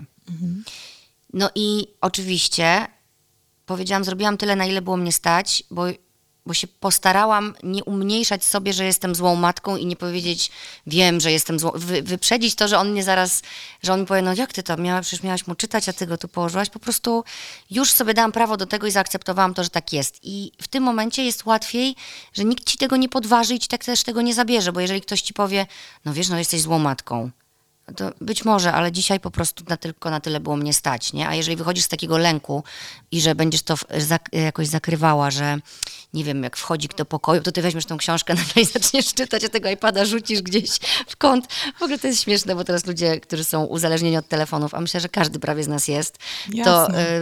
y, pary sobie tak na przykład mówią, dobra, wieczorami nie korzystamy z telefonów, potem się gdzieś kitrają po domu, y, jak idzie drugi, to wyłączają te telefony i wiesz, wchodzisz do pokoju, nagle ktoś podskakuje przestraszony. Mnie to strasznie śmieszy, sama czasem to robię, wiesz, że sama się łapię na tym, że kogo ja chcę oszukać. Przecież to jest o mnie tylko i wyłącznie. Ale wiesz też, myślę sobie, że popatrz, w jakim my jesteśmy świecie, że od tego, czy ty czytasz bajkę na noc, yy, yy, na dobranoc swojemu dziecku, zależy to, jaką jesteś Tak, matką. tak. To jest jakiś, wiesz, yy, jakaś uproszczona yy, yy, wersja oceniania siebie. Bo patrz, z jednej strony... A siebie najsurowiej oceniamy. Tak, ale z drugiej strony oceniamy się przez pryzmat tego, jak nasze dzieci, nie wiem, czy chodzą na zajęcia dodatkowe, czy nie, czy tam czytamy im wozisz do wieczorem, szkoły czy nastolaczkę, czy jedzie różne autobusem. rzeczy, ale nie, za to nie sięgamy głębiej. Czyli omijamy trochę takim szerokim łukiem to, że jesteśmy w coraz gorszej kondycji, że jesteśmy jako Polacy, e, polscy rodzice na pierwszym miejscu na świecie wśród wypalonych rodzicielsko-rodziców. Takie uni- Uniwersytet Bostoński zrobił takie badania, zbadał 40 krajów i jesteśmy na pierwszym miejscu, więc... W ogóle o tym się też nie mówi, bo Mm, nie- to jest taki wstyd, nie? Bo Tak. rodzicem każdy powinien być dobrym, bo to jest No powinien, to słowo klucz w ogóle. Tak, powinien, no bo, a w ogóle matka Polka też przecież, przecież to jest instynkt i Tak. kobiety są od rodzenia dzieci i od radzenia sobie z dziećmi i jakby do tego zostały stworzone i my dalej gdzieś mamy taką, pomimo tego, że już jesteśmy w ogóle na innym poziomie, Mhm. To ten syndrom tej matki Polki cały czas nad nami wisi, nad dziewczynami No tak. w moim wieku również. A to się popatrz, czym kończy. Kończy się tym, że bo wypalenie rodzicielskie oznacza, że masz poczucie kompromitacji, osamotnienia w rodzicielstwie, e, budujesz dystans emocjonalny ze swoimi dziećmi, nawet o tym nie wiesz, regulujesz samopoczucie najczęściej jakimiś, wiesz, nałogowymi e, zachowaniami E, i to sprawia, że właściwie my robimy te różne rzeczy, wiesz, czytamy, tam sprzątamy, kupujemy, zapisujemy, wozimy, ale nas nie ma, jesteśmy nieobecni. I to jest największy dramat, który my swoim dzieciom sprzedajemy. Nie ta bajka, wiesz, nie, nie, nie, nie, nie ten telefon, który tam czasami temu dziecku damy. To, to mm, śmiem twierdzić, może się mylę, to mnie poprawicie za 20 lat, jak wszyscy wychowają swoje dzieci, ale śmiem twierdzić, że to nie zostawi w naszych dzieciach aż tak dużego śladu, jak nasze wyczerpanie, nie, brak witalności, niezadowolenie z życia, e, nasze poczucie winy e, absolutne, że, że to będzie to, za co nasze dzieciaki nas rozliczą nie? w przyszłości i powiedzą e, jestem dziś taki, jaki jestem, mam dziurawy koszyk, bo moja matka była wiecznie, wiecznie zmęczona i wiecznie udawała, że nie jest to prawda. Co to jest dziurawy koszyk? No właśnie, dziurawy koszyk to jest taka koncepcja, mm, którą stworzyłam razem z moimi e, pacjentami na grupie terapeutycznej, bo oni pracowali i one, oni i one pracowali nad różnymi takimi, wiesz, swoimi kłopotami i okazywało się, że no, pewnych rzeczy nie można zbudować, nawet jak się dostarczy sobie dużo korektywnych doświadczeń. Korektywne doświadczenia to takie doświadczenia, które na przykład pozwalają nam lepiej wierzyć w siebie, bardziej wierzyć w siebie. No, powiedzmy, powinnam przy korektywnych doświadczeniach, przy trzeciej książce już, y, wiesz, jakby z pełną energią e, i takim entuzjazmem i wiarą w siebie e, wkroczyć w okres promocyjny produktu, a jednak czuję się jak przy pierwszej, nie? Czyli Powinnaś. Powinna, właśnie. Te korektywne doświadczenia powinny mi zabezpieczyć moje poczucie własnej wartości. A dziurawy koszyk jest wtedy, kiedy ty masz dziurę w jakimś obszarze, na przykład tu w poczuciu własnej wartości. E, I ile tam byś tych książek nie wrzuciła, certyfikatów i różnych osiągnięć, to i tak w zasadzie ciągle czujesz się beznadziejnie, nie? W dużym skrócie. Tak. I to są te takie nienakarmialne rzeczy, nie? Czyli czujesz się na przykład e, um, zagrożona w życiu, masz niskie poczucie bezpieczeństwa, e, i dostarczasz sobie korektywnych doświadczeń albo jakichś zabezpieczeń pod tytułem e, ubezpieczenie, kasa, dobry zawód, wiesz, jakaś stabilność więcej finansowa. Zarabiam, więcej zarabiam, więcej mm. pracuję. I cały czas czujesz no się w ten powinno sposób. być dobrze, nie? I nie jest, Mhm. nie? Więc to jest ten dziurawy koszyk. My go używaliśmy, żeby mówić o tym, że to jest mój dziurawy koszyk, to wiesz, to jakby cokolwiek się tu nie wydarzy, ile- ile razy mi mój facet nie powie, że mnie e, kocha, to i tak, wiesz, jakby za chwilę będę mieć wątpliwości, czy jestem dla niego wystarczająco atrakcyjna, bo to wypada po prostu, wiesz, jak jabłka, które wrzucasz do koszyka, które wypadają tam dnem. Jak ten koszyk się za, zalepia? No właśnie, ja jeszcze nie odkryłam tego, jak się O go zepie, to znaczy odkryłam, nie, że Nie, no błagam cię. obserwując historię własną i też historię e, osób, z którymi pracuję, ale też czytelników, odkryłam, że on się nie zalepia, to znaczy on zostaje dziurawy. To, co możemy sobie z nim zrobić, to po prostu mieć świadomość, że on jest dziurawy i, i tak trochę przejmować kontrolę nad tymi poczuciami, bo te poczucia są z przeszłości, nie? Czyli to poczucie, na przykład e, syndrom oszusta, ono idzie z mojego dziurawego koszyka. Dziś jest 25 września 2023 roku, tak? Nic mi e, nie, nie dolega, nie zrobiłam niczego, co mogłoby mnie skompromitować, nie wiem. Wiesz, jakby przy, przytaczam sobie różne fakty, które pozwalają mi odróżnić to poczucie, które pochodzi z przeszłości, od tego, co się dzieje tu i teraz. Mm, Czyli I to jest od, co? od, Czyli świadomość, nazywanie, zatrzymanie się na chwilę nad tymi emocjami, które czujemy, to możemy sobie dać, tak? Że, że po Tak. prostu... yy, No jeżeli mamy, y, powiedz trochę, bo może ktoś nie wie, co to jest syndrom oszusta, bo to jest też bardzo ważne. Na No. czym to polega? To jest taki syndrom, który sprawia, że nawet jak jesteśmy biegli e, w jakiś, e, no chociażby zawodowo, tak, to cały czas czujemy, że to, co mamy, nam się właściwie nie, nie należy. To się też kryje w takim słowie ud- udało mi się, nie? Czasami ludzie, o, udało mi się, nie? No super, udało mi się. Udało mi się strzelić bramkę, udało mi się, ja mam teraz sportowe porównania wszędzie, ale udało mi się strzelić bramkę, udało mi się e, postawić dom, udało mi się Skończyć dostać szkołę. pracę, udało mi się, tak, e, skończyć szkołę, no udało mi się zrobić różne rzeczy. E, I syndrom uszusa jest związany z bardzo niskim poczuciem własnej wartości, właściwie z tym, że my jesteśmy przekonani, że nas nie stać na te rzeczy, które robimy. Nie chodzi o finanse, tylko że nas nie stać, że nie mamy tych zasobów i że jeżeli to robimy, to znaczy, że cały świat w zasadzie nie widzi nas takimi, Albo jacy jesteśmy. oko i nas Albo przepuścił, Tam, jakoś nas przepuścił. No on się właśnie wi- wiąże z niskim poczuciem własnej wartości i czasami y, próbujemy go pokonać, to znaczy dostarczać sobie kolejnych i kolejnych, kolejnych dowodów na to, że jednak e, świat się nie myli. Albo że jednak my się nie mylimy. No i to tylko nasila ten syndrom oszusta, no bo w zasadzie to nic nie zmienia tutaj w obszarze poczuć. I tak też jest, wiesz, z, z dziurawym koszykiem, że my próbujemy go napełnić coraz bardziej histerycznie, a im bardziej próbujemy go napełnić, im więcej wysiłku wkładamy w napełnienie tego koszyka, tym większą czujemy dysproporcję pomiędzy tym, co robimy, a, co, o- a tym, co o sobie myśl, myślimy, tak? Bo kiedy ja niewiele robię i kiepsko o sobie myślę, to mogę sobie powiedzieć, to tak jak z przygotowywaniem się do egzaminu. Kiedy się nie uczyłam i dostałam truje, to super, nie? Ale kiedy się uczyłam i dostaję truje, no to fatalnie, nie? To coś Tak, tutaj no, tak. ze mną nie tak.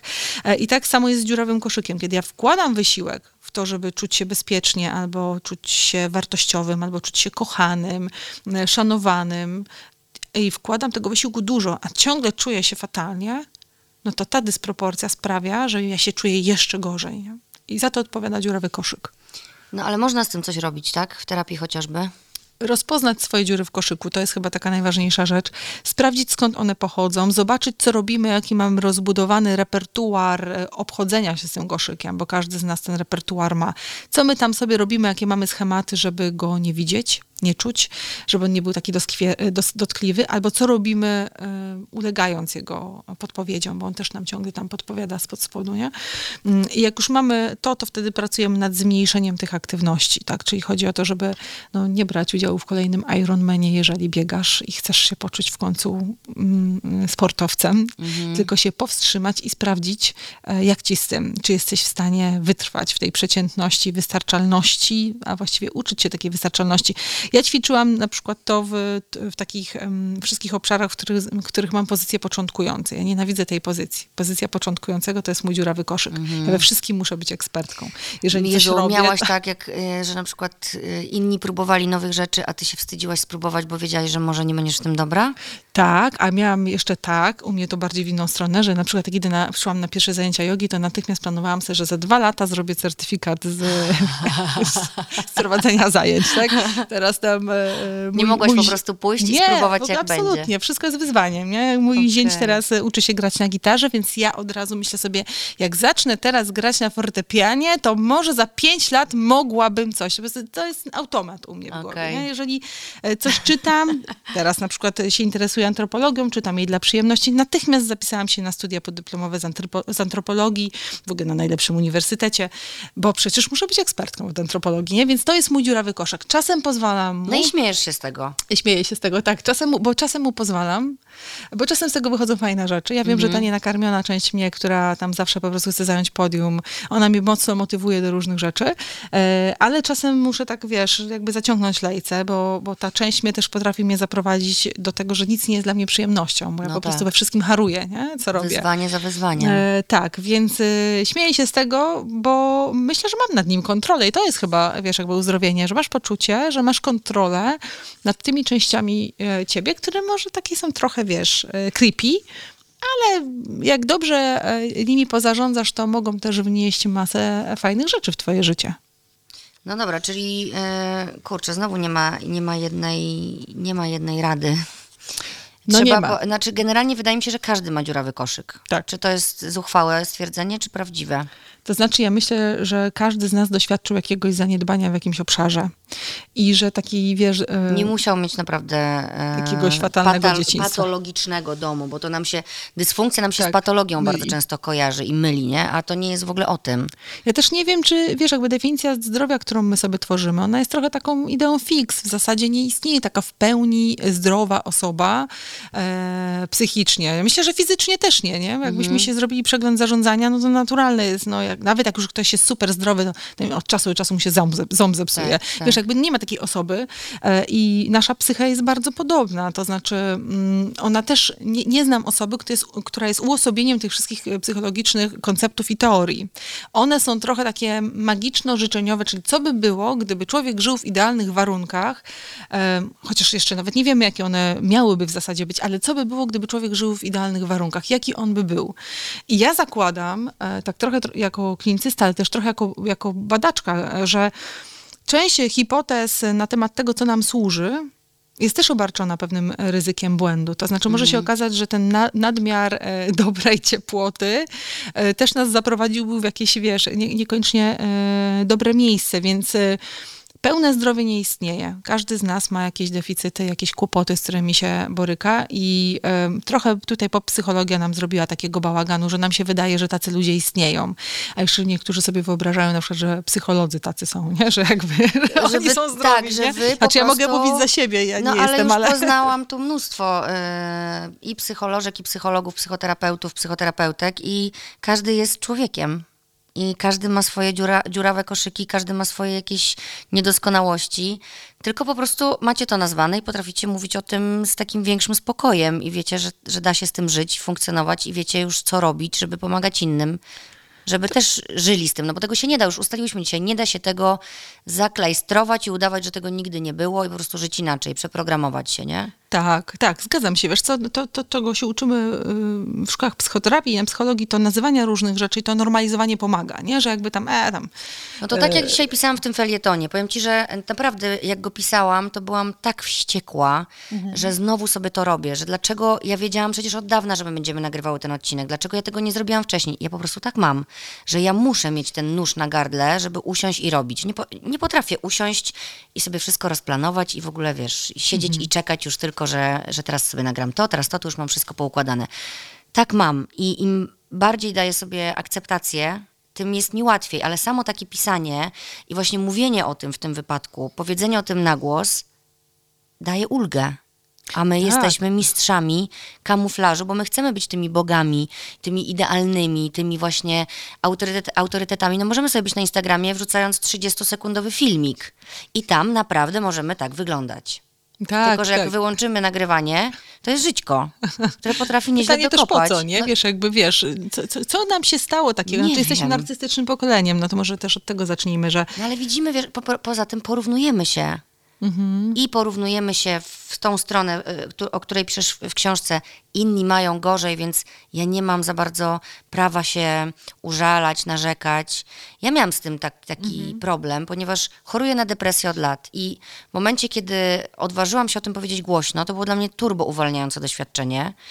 Ale ja dostałam zwrotkę od ludzi. Depresję. Wymyśliłaś sobie to, albo lansujesz się na depresji, bo przecież masz zdrowe dzieci, z, y, znanego męża, finansowo jest okej u ciebie, więc jak, jaką ty masz depresję, dziewczyno? Wiesz, i to jest.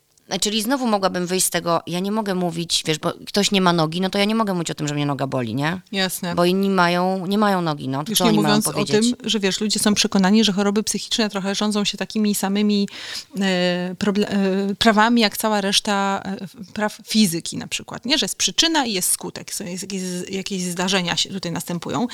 I czasami zapominamy o tym, że depresja często nie ma powodu. To znaczy, wiesz, ona jest chorobą, która się pojawia poza biologicznym powodem, zmianami e, neuronalnymi w naszym mózgu, neuroprzeka- poziomów neuroprzekaźników, albo czasami, nie wiem, wątroba nam na przykład wysiądzie, tak, albo żołądek Mhm. nam choruje, albo tarczyca się rozpada.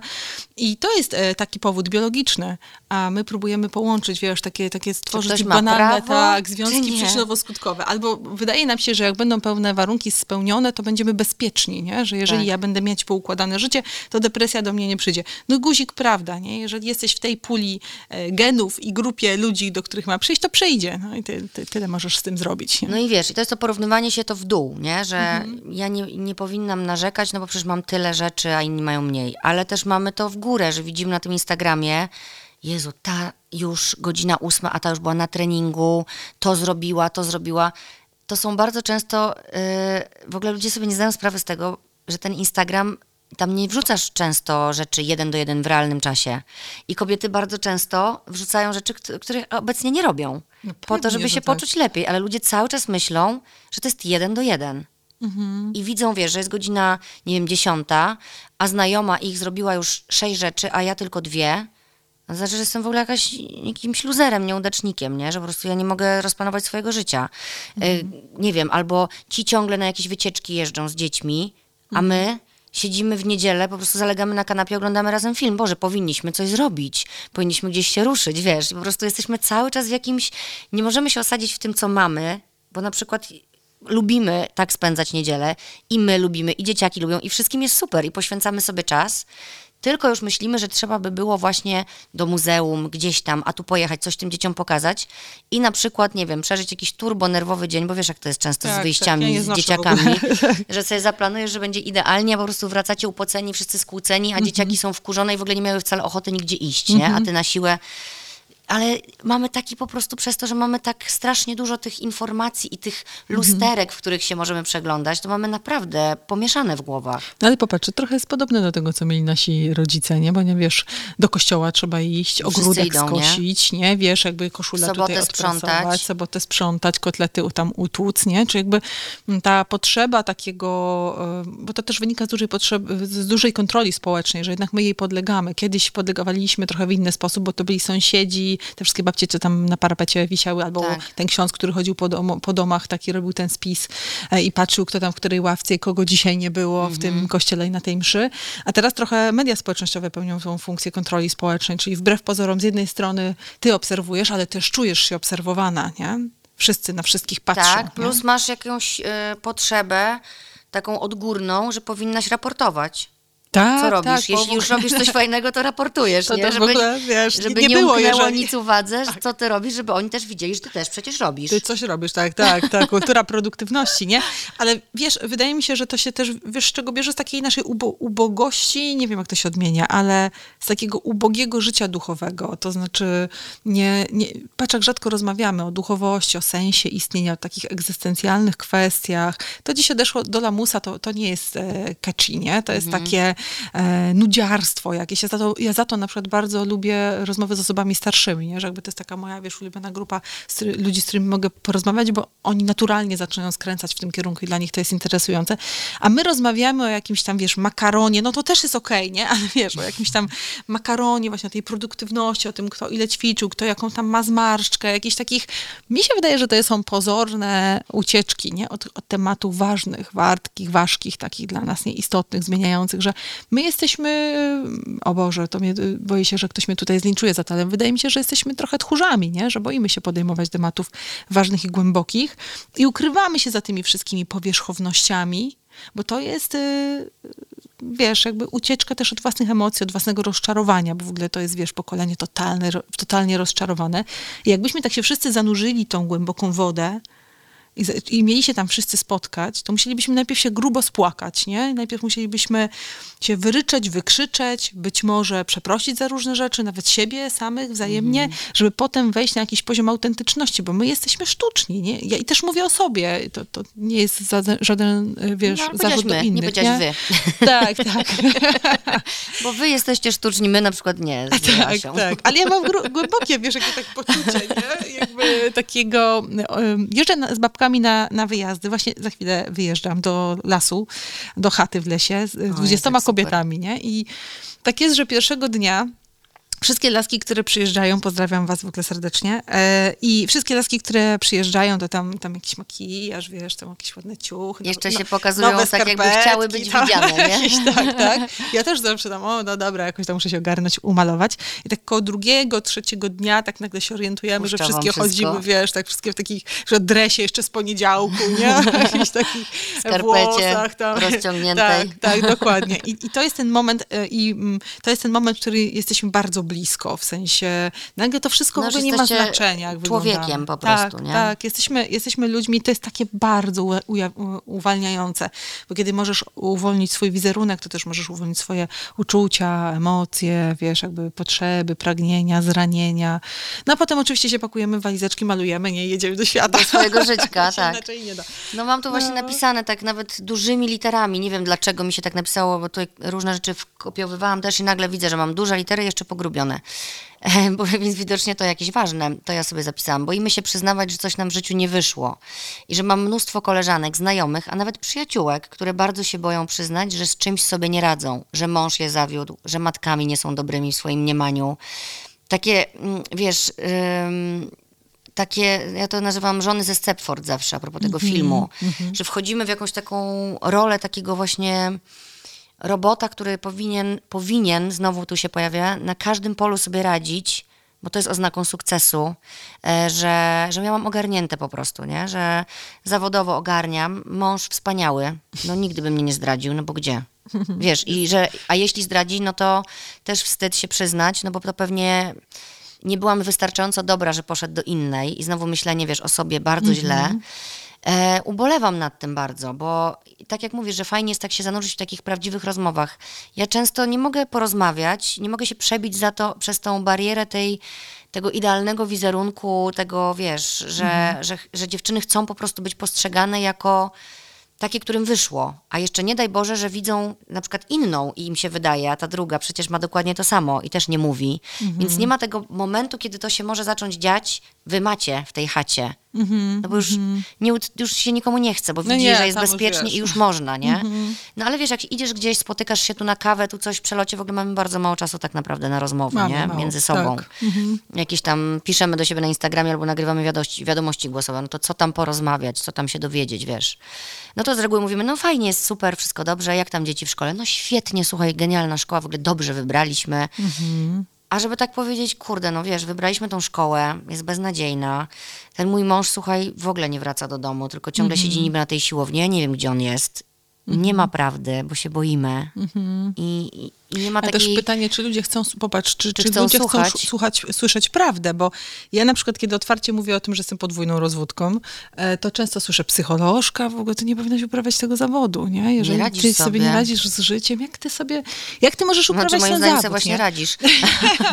Bo co, nie no- tkwisz w czymś, co ci nie służy. E, Z różnych pewnie powodów. Pe pewnie tak, pewnie też jest tak, że, że wiesz, każdy z nas wybiera taką drogę, którą potrafi przejść, nie? Po, Tak. której potrafi przejść. Ja na, na pewno wiem, jak to jest być blisko siebie i brać odpowiedzialność za swoje emocje i brać na klatę e, siebie i iść tą ścieżką. Myślę, że nie byłabym w stanie e, iść inną, bo, bo no taką mam konstrukcję osobowości. Mm, Znam, też rozumiem osoby, które tkwią w nieudanych, e, niesatysfakcjonujących związkach, bo to jest dla nich prostsza ścieżka.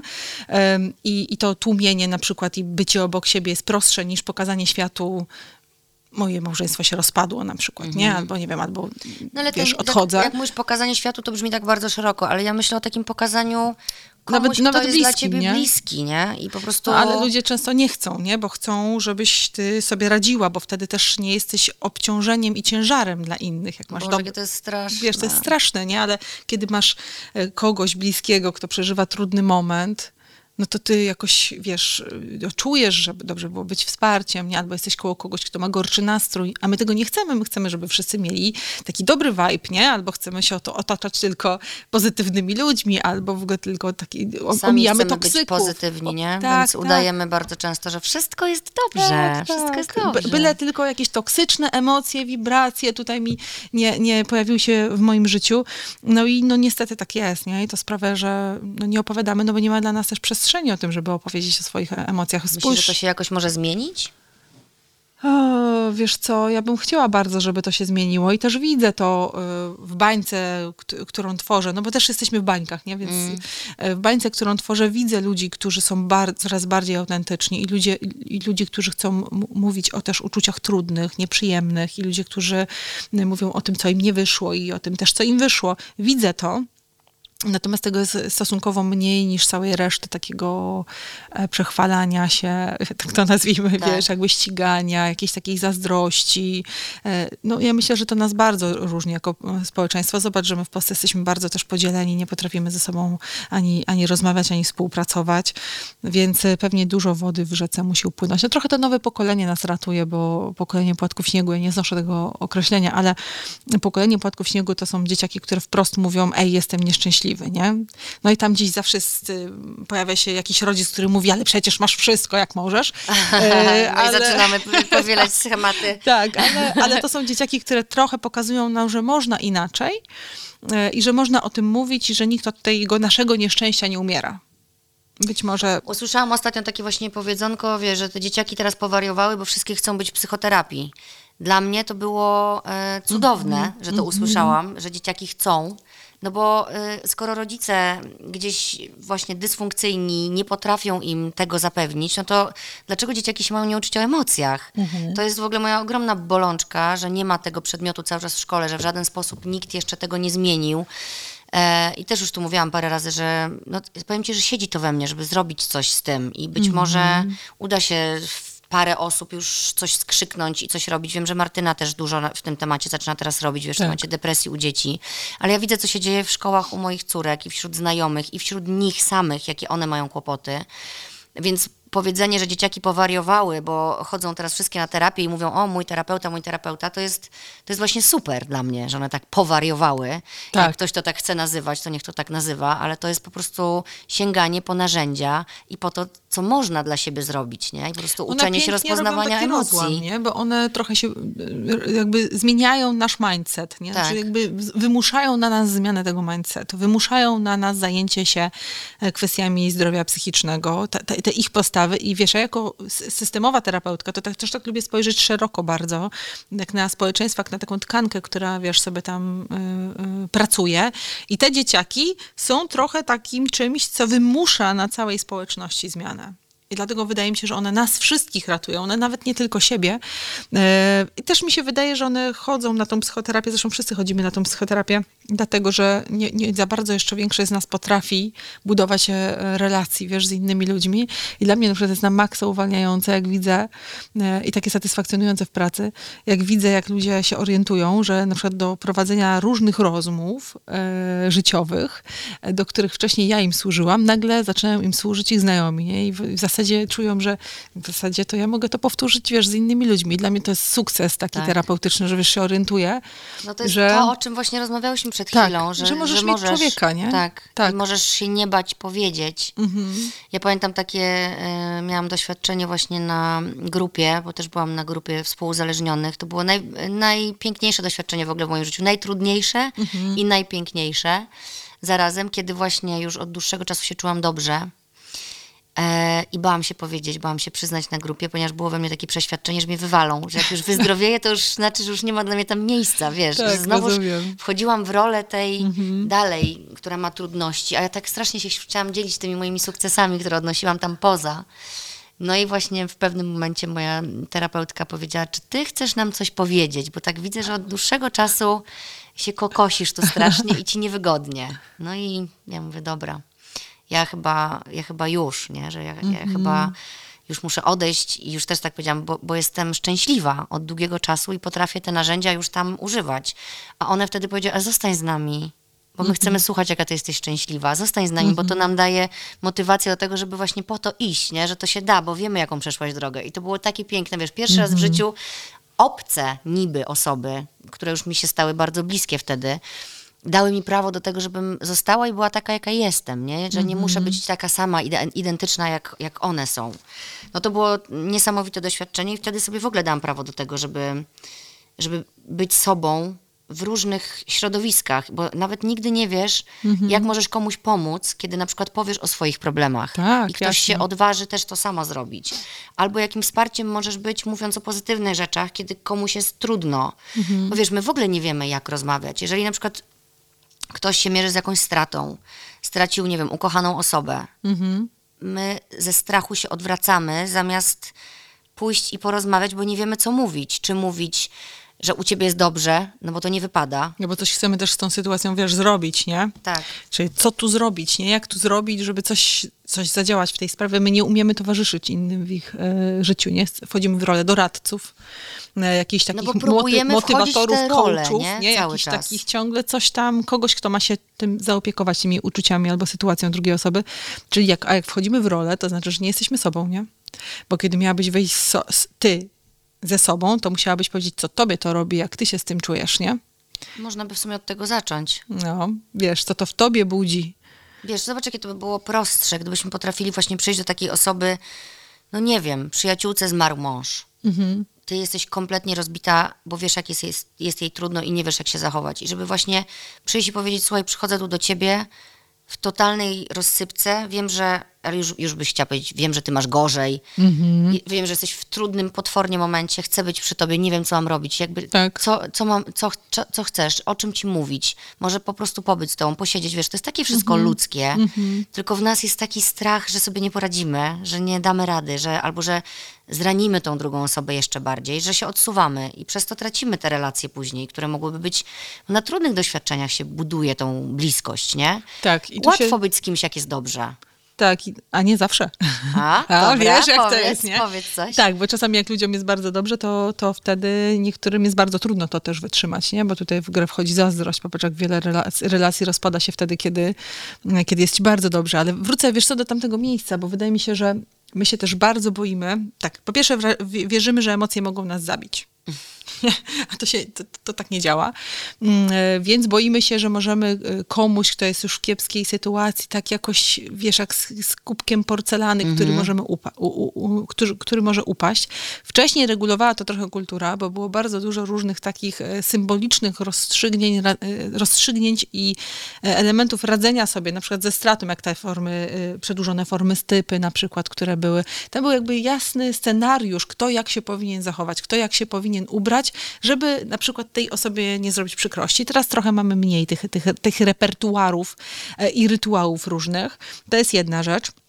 A druga rzecz, tak dużo czytamy y, w internetach o tym, czego nie mówić, czego nie robić, wiesz, jakby jak bardzo trzeba uważać, Tak. jak trzeba być delikatnym, że według mnie to jest przeciwskuteczne. To znaczy, wiesz, kiedy mówimy o pierwszej pomocy psychologicznej e, e, i o tym, że Światowa Organizacja Zdrowia mówi, że w zasadzie każdy może jej udzielić, to mówimy o takiej sytuacji, w której ty jesteś po prostu dostępna. I pozytywnie nastawiona, gotowa do tego, żeby. Nie, nie, nie szczęśliwa, tylko. i może Otwarta może. Tak, może otwarta, bo masz do, dobrą intencję. Masz, in, masz intencja, która ma pomóc, i teraz masz słuchać, usłyszeć o potrzebach i pomóc tej osobie połączyć się z tym, z tym czego potrzebuje. Nie? Czyli jeżeli potrzebuje, żeby zrobić jej zakupy, to po prostu je zrobić, zapytać, zrobić. A my się tak strasznie boimy ludzi, którzy cierpią, boimy się, że ich uszkodzimy, że jakoś zrobimy im krzywdę, że ostatecznie nic nie robimy i to jest najbardziej krzywdzące. No, Czyli osoby w cierpieniu porzucamy, tak. tak? E, Kiedyś społeczeństwa tego nie robiły. Jak spojrzymy na takie plemienne e, jakieś takie rytuały, to nikt nie wyrzucał za granicę wioski e, kogoś cierpiącego, e, tylko ta, ta osoba była w jakiś, co prawda zgodnie ze scenariuszem opracowanym na takie sytuacje, ale to, to był jakiś wentyl bezpieczeństwa, nie? Tak. E, Była opiekowana na różne sposoby, a w tej chwili my nie mamy tych scenariuszy i nie wiemy, jak się zachowywać, e, ale też głęboko wierzymy, że nic sami sobą nie wnosimy. Znaczy, że nasza obecność nie ma znaczenia. Och, to jest Tak. straszne, bo możemy dać bardzo, bardzo dużo dobrego. Ale Tak. w ogóle jesteśmy pozamykani, już pomijając swoje bańki, to swoje mieszkanka, swoje Mhm. osiedla, swoje coś i bardzo często w ogóle nie wiemy, że u kogoś jest źle. Tak, nie wiemy, bo, bo też przyjaźń trochę straciła na znaczeniu. To znaczy, wszyscy mówią, mam przyjaciół, mam przyjaciół, ale kiedy ja jestem blisko różnych ludzi i słucham o ich życiu, to większość nie ma przyjaciół. To są takie, wiesz, hasła, tam mam wspaniałych przyjaciół, albo tam byłem gdzieś z przyjaciółmi. E, bardzo często są to jakieś różne takie znajomości pozbawione tej intymności i bliskości. One są często powierzchowne, związane z częstotliwością kontaktu, albo ze wspólnymi zainteresowaniami, albo z Imprezką. dostępnością, imprezką. A przyjaźń, wiesz, jest takim szczególnym e, doświadczeniem, dlatego że mm, ona e, rządzi się swoimi prawami. Bo z przyjacielem, przyjaciółką nie łączy cię żaden wspólny cel. Znaczy, nic nie zależy od tego, jakie życie wiedziesz w życiu tej osoby i w drugą stronę. Czyli to jest ta osoba, która może ciebie wspierać bezwarunkowo, dlatego że ona nie traci na twoich fakapach, że tak to powiem, tak? Czyli ona nie ponosi konsekwencji twoich nietrafionych wyborów albo nie ponosi konsekwencji jakiejś e, sytuacji, w której ty jesteś, ale to w pewnym sensie uwalnia ją do takiego totalnie empatycznego wsparcia. Czyli przyjaciel to jest ta osoba, która jest z tobą nawet jak zrobiłeś najgorszą rzecz na świecie, to ona może ciebie wspierać, a tym, co ci pozwala, e, co, co takiej osobie pozwala ciebie wspierać, jest właśnie to, że nie macie wspólnego interesu, dzieci, kredytu, wiesz, jakby roboty. Tak. To jest takie czyste, wiesz, człowieczeństwo i wsparcie. I wtedy, kiedy my nie mamy przyjaciół, kiedy nie potrafimy w głęboką przyjaźń, e, bo pojawia się właśnie powierzchowność albo tak naprawdę rywalizacja i zazdrość, wiele polskich przyjaźni na tym się opiera, że pary się spotykają, a potem obrabiają sobie tyłek wzajemnie po tym spotkaniu na przykład, nie? Tak, E, tak, to jest tak. takie charakterystyczne. Albo spotykają się, żeby sobie podowalać wzajemnie e, przy jednym stole, a już najlepiej jest wtedy, kiedy spotykają się po to, żeby w parze, wewnątrz sobie podopiekać Jezus przy Maria. innych, nie? jest taka klasyka polskiej imprezy. Tak, na którą przychodzą albo różni ludzie. tak i właśnie na przykład żona jedzie na męża, nie? Przy Tak, tamtych, tak, tak, że, tak. bo czuje, że może oni ją wesprą jakoś i też Tak, pokażą. Boże, to jest takie Tak, straszne. no więc y, y, dzieją się takie rzeczy, ludzie grają w różne rzeczy, ale meritum jest takie, że przez te różne e, schematy, skrypty bycia w relacjach, my nie mamy y, y, często bardzo głębokich przyjaźni, opartych na dobrowolności, na intencji, e, już nawet nie na miłości, ale na intencji, żeby tobie było dobrze, na intencji wspierania, na intencji wzajemnej fascynacji sobie, jakiejś inspiracji sobie, a może nawet akceptacji przeciętności Tak. wzajemnej. E, właśnie miałam taką sytuację, uświadomiłaś mi to ostatnio, e, parę dni temu, że moja przyjaciółka miała jakąś tam trudność i ja mówię, chcesz pogadać? Ona, wiesz co, nie, e, napisała, do no, odpisała, nie, nie, bo jeszcze nie mam tego poukładanego, nie wiem właściwie.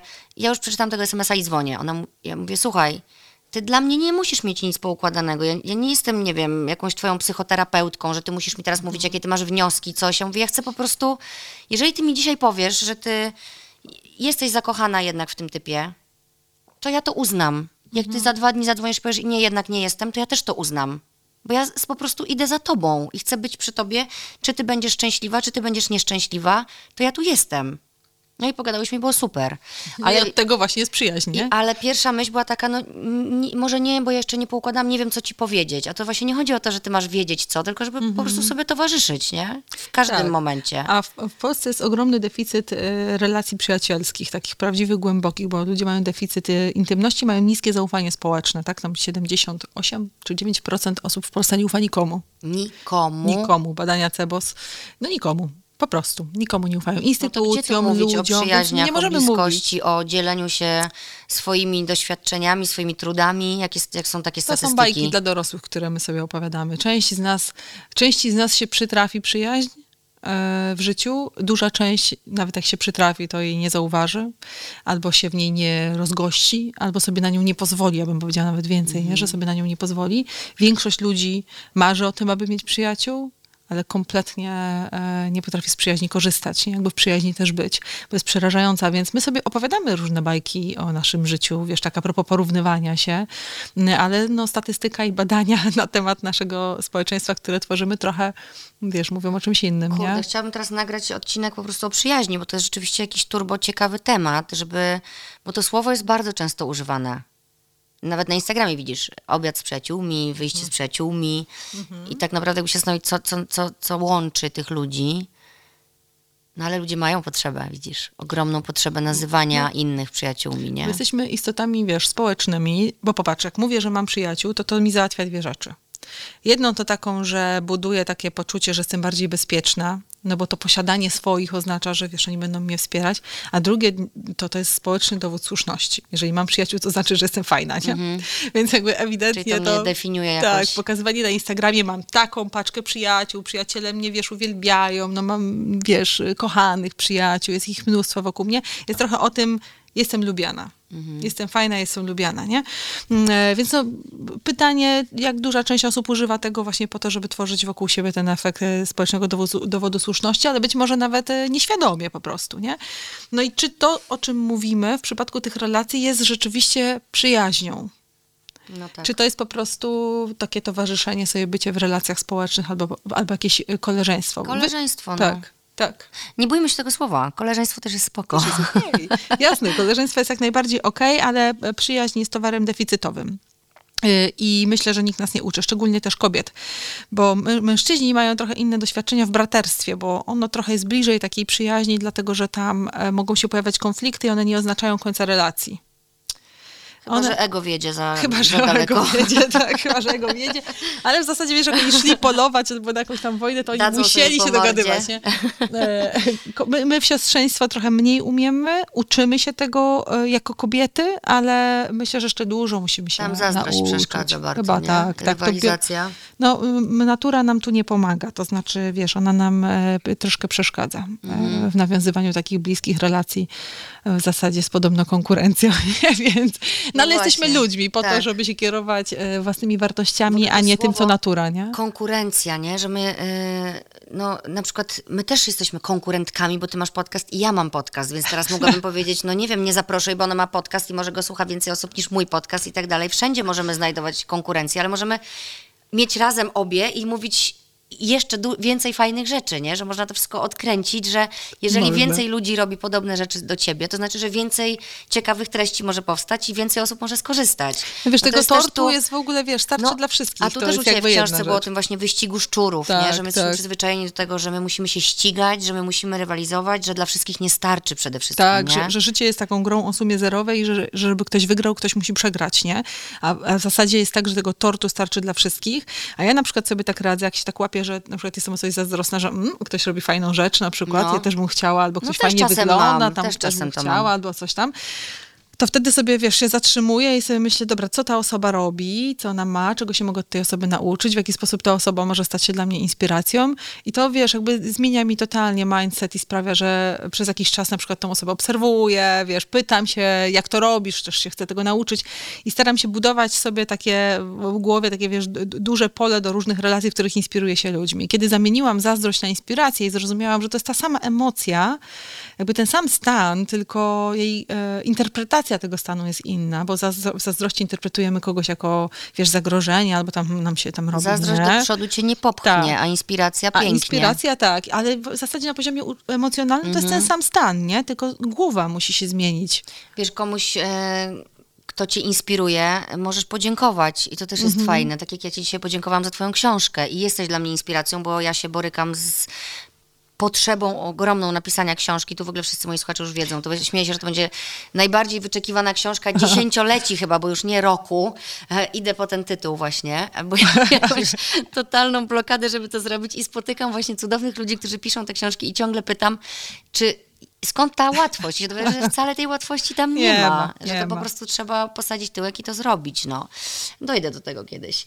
Słuchaj, muszę jakoś spuentować, e, co ze mną jest nie tak. E, Wiemy już, że z nami jest sporo nie tak, ale wiemy też, że da się z tym żyć, co jest y, mm, naj, najlepszą wiadomością tego dnia dzisiaj. Nie mamy wyjścia, nie?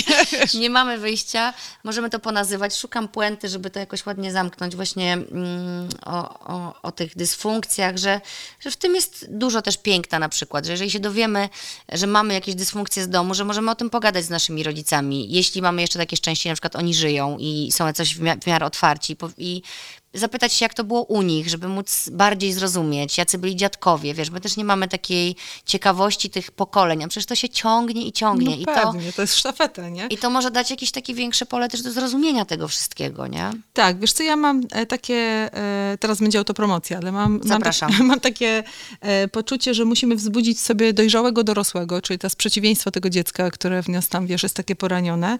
I o tym pi- napisałam kolejną książkę, czyli o tym, jak być po dorosłemu, jak wzbudzić w sobie dojrzałego, zdrowego dorosłego. Tam już w ogóle nie dotykam przeszłości, ale dotykam teraźniejszości i tego, co mamy do zrobienia jako dojrzali ludzie. I, i to mi się wydaje, musimy zbudować sobie zdrową nogę. Wiesz, drogą nogę na, nogę, na której możemy się oprzeć, żeby dźwignąć te wszystkie jabłka wypadające z koszyka. I mi bardzo y, y, ten proces pomógł, bo wielu czytelników do mnie pisało z taką prośbą, no dobra, to już to wiem, to co Tak, teraz co dalej? teraz? No właśnie. To co teraz dalej? Więc y, stąd się wzięła idea y, po dorosłemu i stąd się wzięła cała książka o dojrzałości. Kiedy książka wychodzi? Y, 8 listopada. E, No dobra, to chyba się właśnie umówiłyśmy na kolejny odcinek. Dziękuję. Dziękuję. Ja zapraszam. Mój syndrom oszusta ci- podpowiedział mi od razu najpierw przeczytaj. E, tak, ale ja, wiesz co, a, a moja pewność powiedziała mi, że, e, że chcę to zrobić, bo skoro ta książka mnie już zabrała w takie rejony, że już wiem dużo więcej, to chcę iść dalej.